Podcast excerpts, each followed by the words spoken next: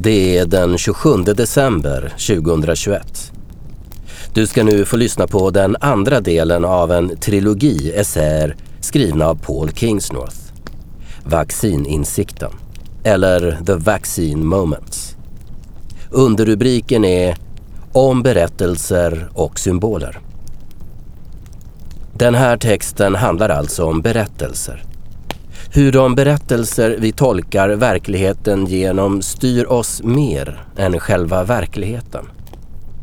Vi följer kartan över landskapet, inte stigen som går genom detsamma. Det är värt att tänka på. Nästa gång vi blint följer GPSen och hamnar på en vändplan i ett öde industriområde. Del 3 och den avslutande delen i den här serien med underrubriken Hur ska vi tänka om Klaus Schwab kommer i början av januari. Denna essä är 28 minuter lång och är något förkortad mot originalet. Efter den kommer en kort dikt jag skrivit som jag kallar Maskinen. Jag heter Håkan Julander och du lyssnar på Nerkopplat, en del av Folkets Radio. Trevlig lyssning!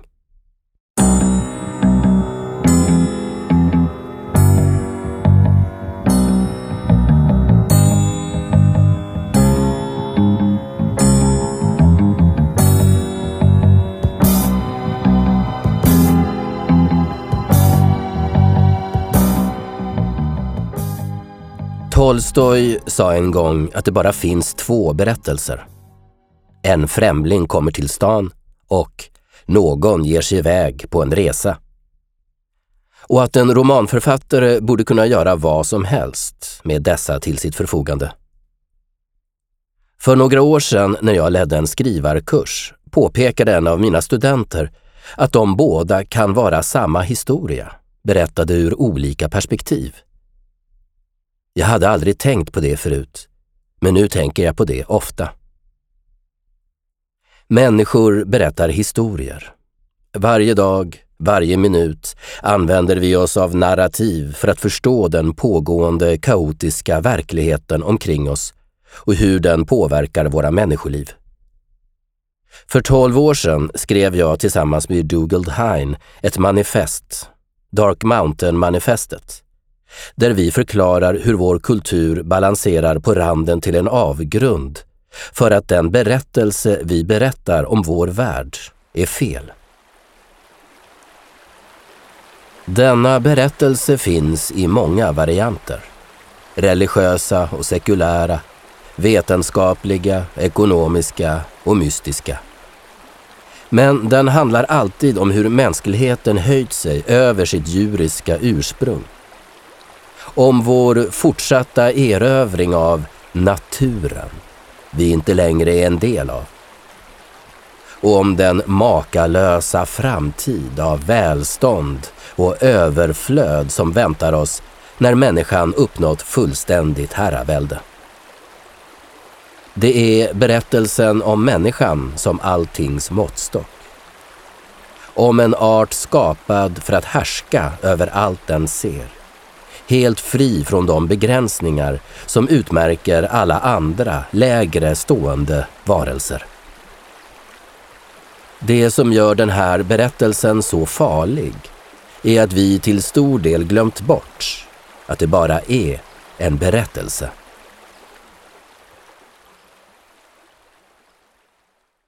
Den mänskliga historien kan ses som en evig serie krig om berättelser där vinnaren blir den som styr bilden av samhället. Det nu pågående kulturkriget i många länder i väst är ett exempel på kampen om narrativet. Vem har rätt att bestämma om en staty ska stå kvar eller inte och vad innebär det? Den statyn, den historieboken, det utställda föremålet är inte bara orörliga objekt eller obetydlig kulturell fernissa. De är symboler och striden över dem bestämmer hur vi ser på oss själva och vad vi ska lära våra barn. Historier kan radikalt ändra form beroende från vilket perspektiv de berättas. Mycket av det jag skrivit om sen i våras handlar precis om den mekanismen. Det som nu händer i det post-postmoderna väst är att vi befinner oss i slutet av en historia och vi slåss vildsint för att hålla den vid liv. Eller om det inte går, om vilken historia eller historier som i sådana fall ska ta över. Historikern Christopher Dawson har beskrivit vår del av världen som en kristen civilisation vilande på barbarisk grund. Västeuropas kultur domineras av en tydlig uppdelning mellan två kulturer, två samhällstraditioner och två andliga världar. De barbariska kungadömenas krigarkultur som dyrkar våld och hjältemod och den kristna kyrkans fredssamhälle med dess ideal om renlevnad och måttfullhet. Jag tror att denna dualism är källan till den energi som så starkt präglar den västerländska kulturen. Det är denna blandning av barbarisk styrka och kristen tro vilande på en antik tanketradition som har skapat väst. Men från reformationen och framåt, genom upplysningen, den moderna imperialismen och dyrkandet av vetenskapen utmanades den kristna berättelsen till att sakta bytas ut till en annan berättelse. Historien om framsteget. Där varje ny generation människor ska få ett bättre liv än generationen innan. De som är i min ålder och äldre kommer fortfarande ihåg hur vi tänkte oss år 2000 när vi var barn. Människor med små jetraketer på ryggen flygande bilar och kolonier på månen och obegränsat med elektricitet. Ingen pratar om klimatförändringar, artutrotning, meningslösa skitjobb eller virvlar i oceanen fulla med plast. Eller miljardärer och deras överlevnadsbunkrar. Eller barn som gräver fram koltan till våra smarta telefoner som andra barn sätter ihop i sweatshops vi aldrig ser. Väst var kristendom. Men kristendomen dog. Sen var väst framsteget. Men framsteget dog. Från detta perspektiv, kanske fortfarande väl tidigt för att exakt kunna beskriva vad som händer, misstänker jag ändå att en ny verklighet har gått upp för många människor under de senaste tio åren. Den storslagna berättelse vi växte upp med är nu mycket svår att tro på även för de som tidigare varit en trogen. Vad det har lett till är att vi har trätt in i en period vi kan kalla för det brutna narrativets. Det här är vad kulturkrig innebär. En fortlöpande strid om olika berättelser där inga tecken pekar på att ett nytt övergripande narrativ kan ersätta historien om framsteget. Kanske de stora narrativens tid är slut. Hur det än är med det kommer vi inte på länge sluta strida om berättelser. Varför skriver jag om det här i del två i en serie essäer om covid? Svaret är att reaktionen på viruset har filtrerats genom denna process av sönderbrytna narrativ. Det innebär i sin tur att när människor försöker förstå vad som händer filtrerar de, vi, det de upplever genom helt olika berättelser. Detta fick jag själv uppleva genom reaktionerna jag fick på min förra essä. Vad människor trodde sig läsa ur den berodde på vilka narrativ de redan valt för att tolka den covid-tid de lever i. Många tackade mig för att jag beskrev det de själva tycker men inte vågar säga. En del på sociala medier avfärdade mig som en konspirationsteoretiker, eller värre. Andra trodde de läst en antivax-artikel, fast jag uttryckligen sagt att det inte var det. Åter andra tyckte sig i mitt ställningstagande mot de tvingande åtgärder som nu införs runt om i världen kunna läsa att jag höll med dem i deras olika högtravande teorier. Jag är knappast den enda som upplevt det här. Det är något som händer överallt dagligen. Inom familjen, på jobbet, på nätet. Särskilt de som inte håller sig till det jag kallar narrativet med stort N. Etablissemangets version av berättelsen om covid kan förvänta sig ett kallt avfärdande, eller värre. Bara att våga ställa en fråga som inte håller sig till den officiella visdomen är svårt och skrämmande för många. Jag skrev förra gången att viruset är apokalyptiskt. Att det uppenbarar det som tidigare dolts. En av sakerna det visat för oss är hur våra berättelser till sitt väsen är splittrade, uppbrutna och hur det i sin tur har visat oss hur bräckliga våra samhällen är. Myten om framsteget berättar för oss vad vi ska tro på. Ackumulerad vetenskaplig kunskap. Auktoriserade och utbildade experter. Journalister som undersöker fakta i en historia och sen förklarar dem för oss. Människans förmåga att kunna slå fast vad som är sant eller inte.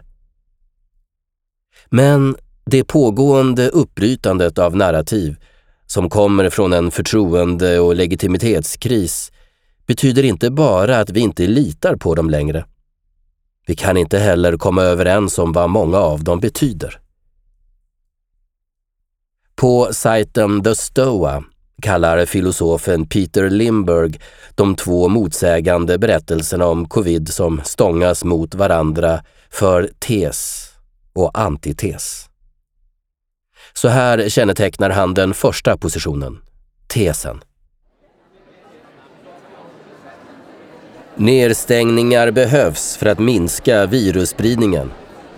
Att bära mask fungerar och måste göras obligatoriskt. Vaccinen är säkra. Människor bör vaccinera sig för att skydda sig själva och andra.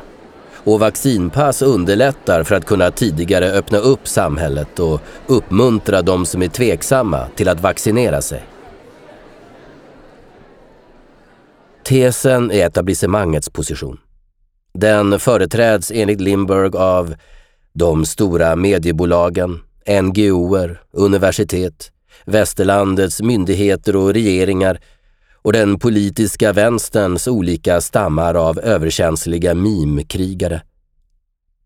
På andra sidan, antitessidan, finner vi en salig blandning av politiska dissidenter, från yttersta högern till anarkister, som av olika orsaker flockas kring en annan berättelse. Nedstängningar behövs inte. Masker fungerar inte.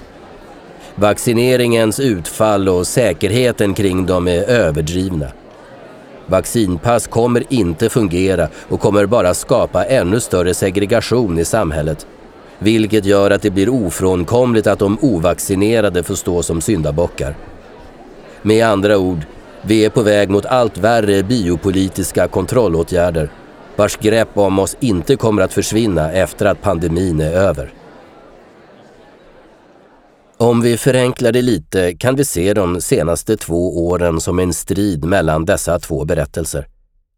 I viss mån kan det vara dina personliga erfarenheter som gör vilket läge du väljer.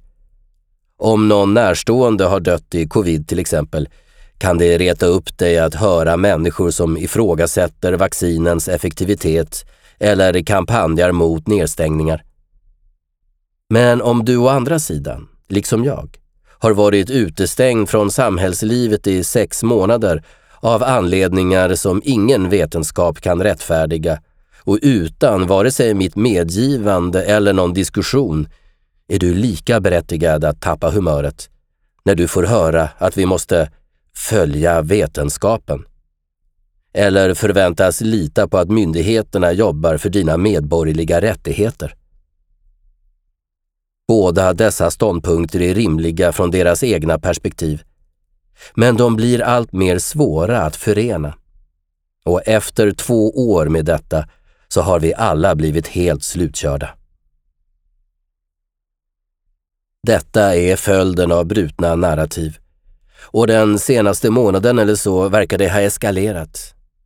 Vi har sett hur utanförgruppen, antiteserna, märkbart börjat växa och hur etablissemanget, tesarna, börjat tappa blod.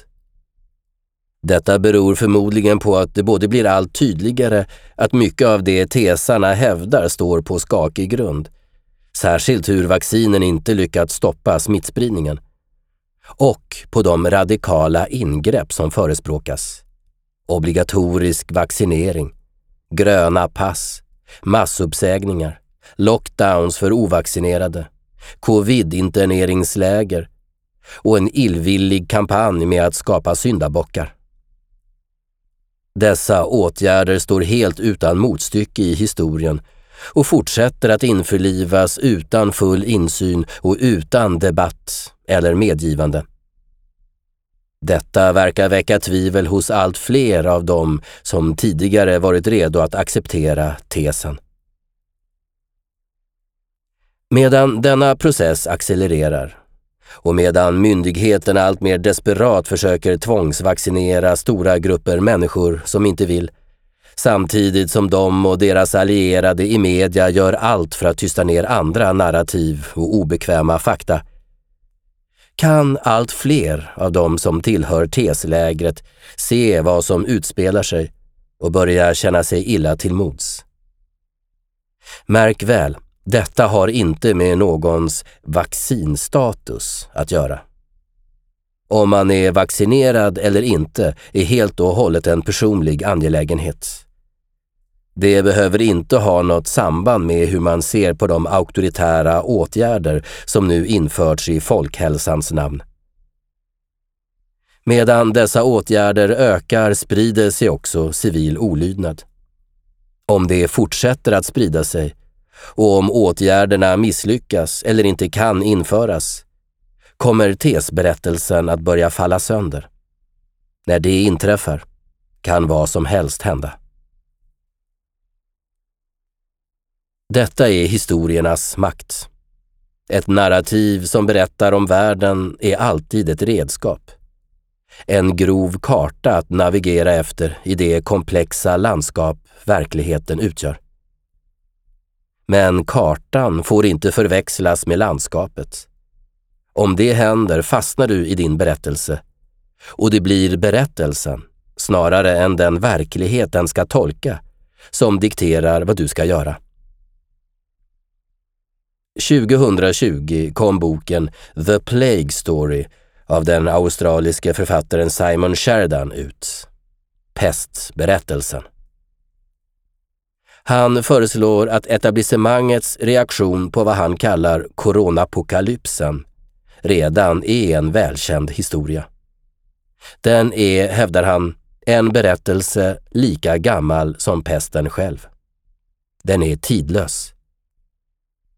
Efter att ha förklarat berättelsens struktur genom romaner och filmer visar Sheridan att pestberättelsen är en färdig mall som genom vår kulturella historia präglar våra sinnen. En mall som på ett olämpligt sätt har använts till hur vi ska förstå denna pågående pandemi. I väst känner alla till berättelsen om pesten. Vi har sett filmerna eller läst böckerna om det nya fruktansvärda virus som smiter från ett labb, ofta utländskt, och utplånar stora delar av mänskligheten tills några luggslitna hjältar antingen lyckas besegra det med vetenskapliga medel eller på andra sätt lyckas överleva med tur eller kampvilja.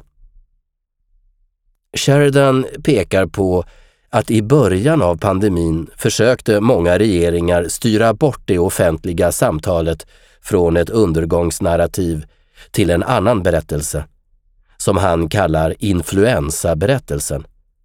Att covid var en ny och mycket elakartad influensaliknande sjukdom, men som kunde övervinnas med att sträva efter flockimmunitet, kloka hälsoåtgärder och enskilda människors sunda förnuft.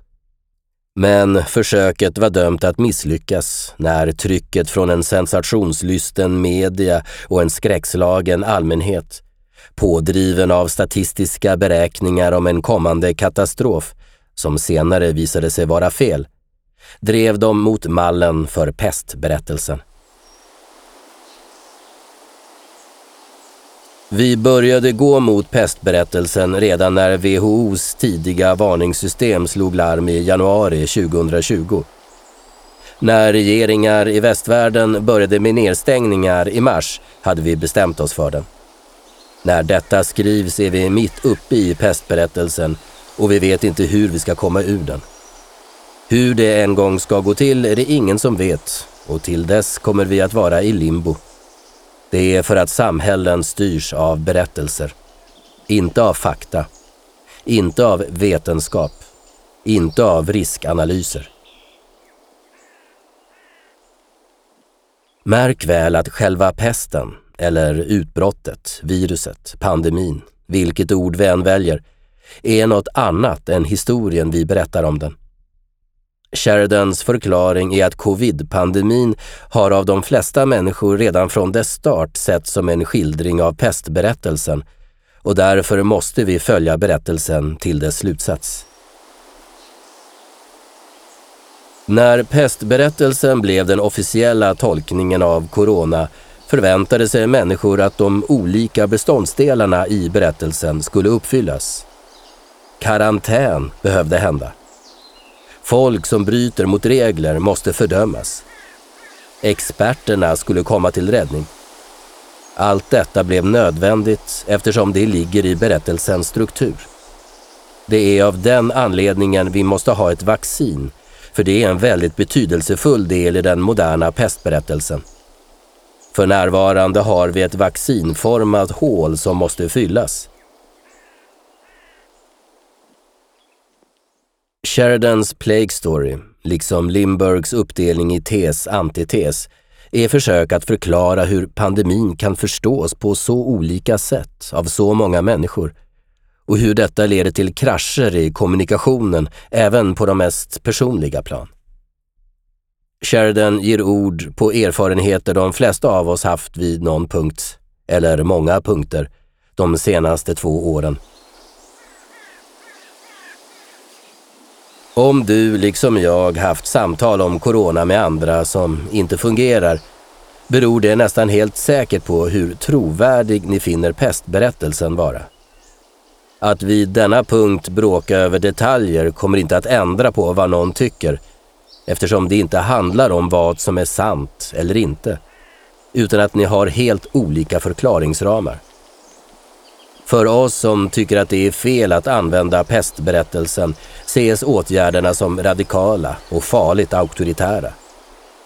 Men att använda sig av auktoritära åtgärder är normalt under ett pestutbrott och det är därför som folk som följer pestberättelsen inte har några problem med det. Tänk på vad nyckelsymbolerna i dessa covid-tider har för innebörd inom de olika berättarperspektiven och det blir tydligt vilka faror som finns i utvecklingen. Masker, missbruk av statlig maktutövning kontra tecken på socialt ansvarstagande. Vaccinpass, början på ett digitalt tyranni kontra ett sätt att skydda ansvarstagande från ansvarslösa. Obligatorisk vaccinering. Att påtvinga injektioner i människors kroppar som inte vill ha dem kontra en väg att säkerställa folkhälsan i en farofylld tid vi aldrig tidigare upplevt. Det är det senare som mycket väl kan utgöra gränsen för hur långt myndigheterna kan gå. Vad obligatorisk vaccinering symboliserar att med statligt tvång injicera icke önskvärda droger slår långt djupare än förnuftiga meningsskiljaktigheter om R-tal eller antal sängar på intensiven. För de som är trogna teslägret eller pestberättelsen är vaccinmandat ett nödvändigt ont, om än inte idealiskt, i den globala kampen mot covid. Men för oss som, även bara till en del, avvisar de historierna är detta en oerhörd förbrytelse.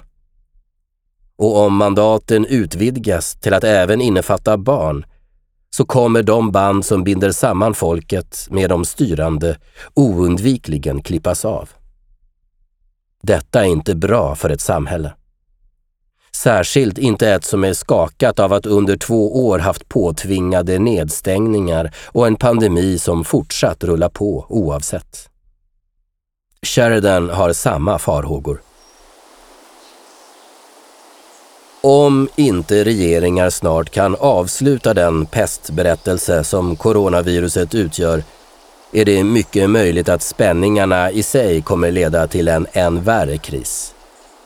Särskilt när de ekonomiska effekterna av vad som tilldragit sig blir märkbara för alla. Regeringar är desperata om att vilja avsluta pestberättelsen med hjälp av vaccineringar. Men om det snart inte genomförs kommer vi förmodligen uppleva en lång tid av konflikt mellan teknokrati och demokrati. Dessa ord skrevs för mer än ett år sedan. Idag vet vi, vilka än argumenten för eller emot vaccinen var, att de inte har kunnat hejda pandemin. Så pestberättelsen rullar vidare. Vart tar den vägen nu? Vi vet inte. Jag tror att detta är en del av den pågående uppenbarelsen. Jag tror inte det har tagit slut än. Jag blir mer och mer förfärad när jag tänker på vart det kommer föra oss. Jag fruktar den stigande vreden, masshysterin, den spelade säkerheten på båda sidor. Jag är livrädd för vad vi ska se uppenbara sig och jag hoppas varje dag att min rädsla saknar grund. På många platser vid pandemins början fördes människor samman i kampen mot ett gemensamt hot. Vilka infallsvinklar vi än hade så delade vi erfarenheten av nedstängningarna, osäkerheten och förhoppningarna om att det snart skulle ta slut. Vi resonerade om vad det var och vad som borde göras. På den tiden kunde vi resonera med varandra utan att censureras. Men införandet av vaccinpass, vaccinmandat och särskiljande slet isär samhället snarare än förde det samman. Genom att separera rena från orena, ansvarsfulla från ansvarslösa och dåraktiga från sansade. Det skapade en ny klass människor att användas till syndabockar. Sprutan och QR-koden har blivit vår tids fruktansvärda symboler. Det är en farofylld tid vi lever i och jag tror Sheridan har rätt i att den konflikt mellan teknokrati och demokrati som under decennier vuxit sig allt större nu tornar upp sig framför oss. Det är också min historia. Den historia jag har berättat om här under sex månader och som har varit en del av mitt skrivande i nästan 30 år.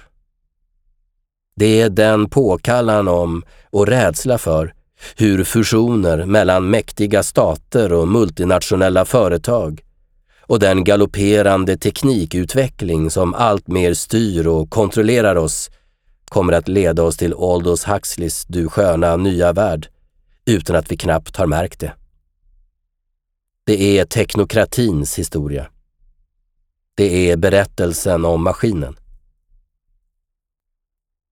År 2021 har den berättelsen knutits samman med berättelsen om pandemin för att skynda på färden mot det redan bestämda slutmålet. Medan vi bråkar om de frågor som splittrar oss, vaccinens säkerhet, nya covid-varianter, Ivermectin, vaccinationstvång, så fortsätter denna övergripande metaberättelse utspela sig överallt omkring oss med löfte från dess författare om en uppdaterad mjukvara som kan omstarta berättelsen om framsteget i den smart uppkopplade Internet of Things-värld som väntar på oss. Den värld som ska skydda oss mot alla sjukdomar och till och med från döden själv.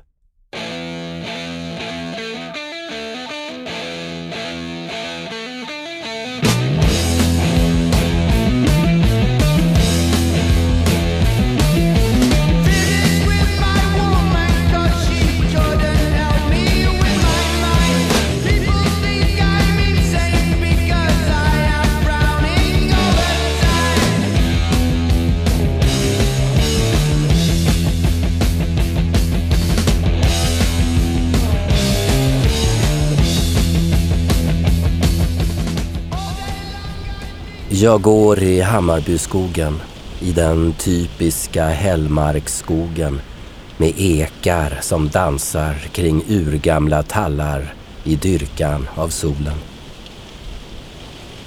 Jag ser det jag aldrig fick lära mig i skolan att se. Anden som lever i skogen vi andas. Vi måste gå bakåt, neråt, fattigare.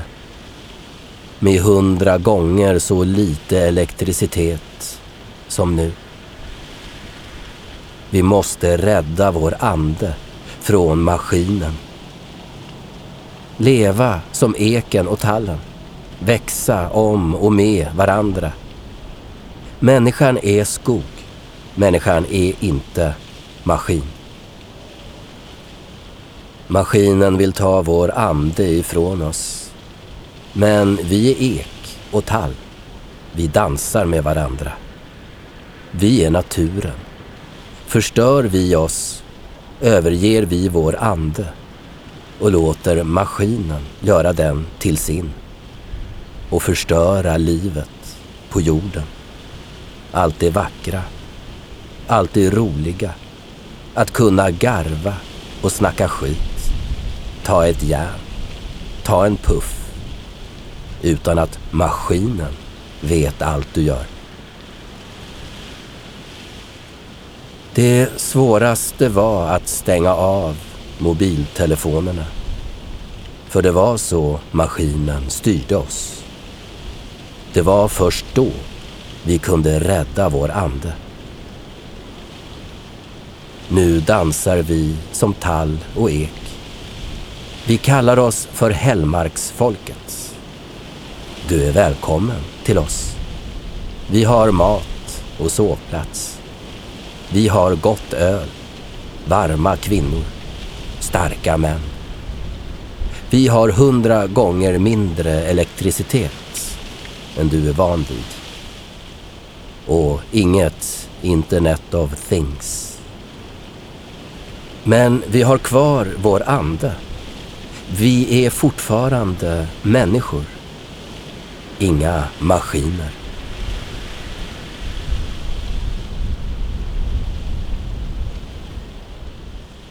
Ni har lyssnat på Nerkopplats. En analog tillsats i en digital bottensats. Läs gärna Paul Kingsnors essäer i original på substack.com. Där finns många länkar till det som nämns i texten. Musiken var Paranoid av Black Sabbath.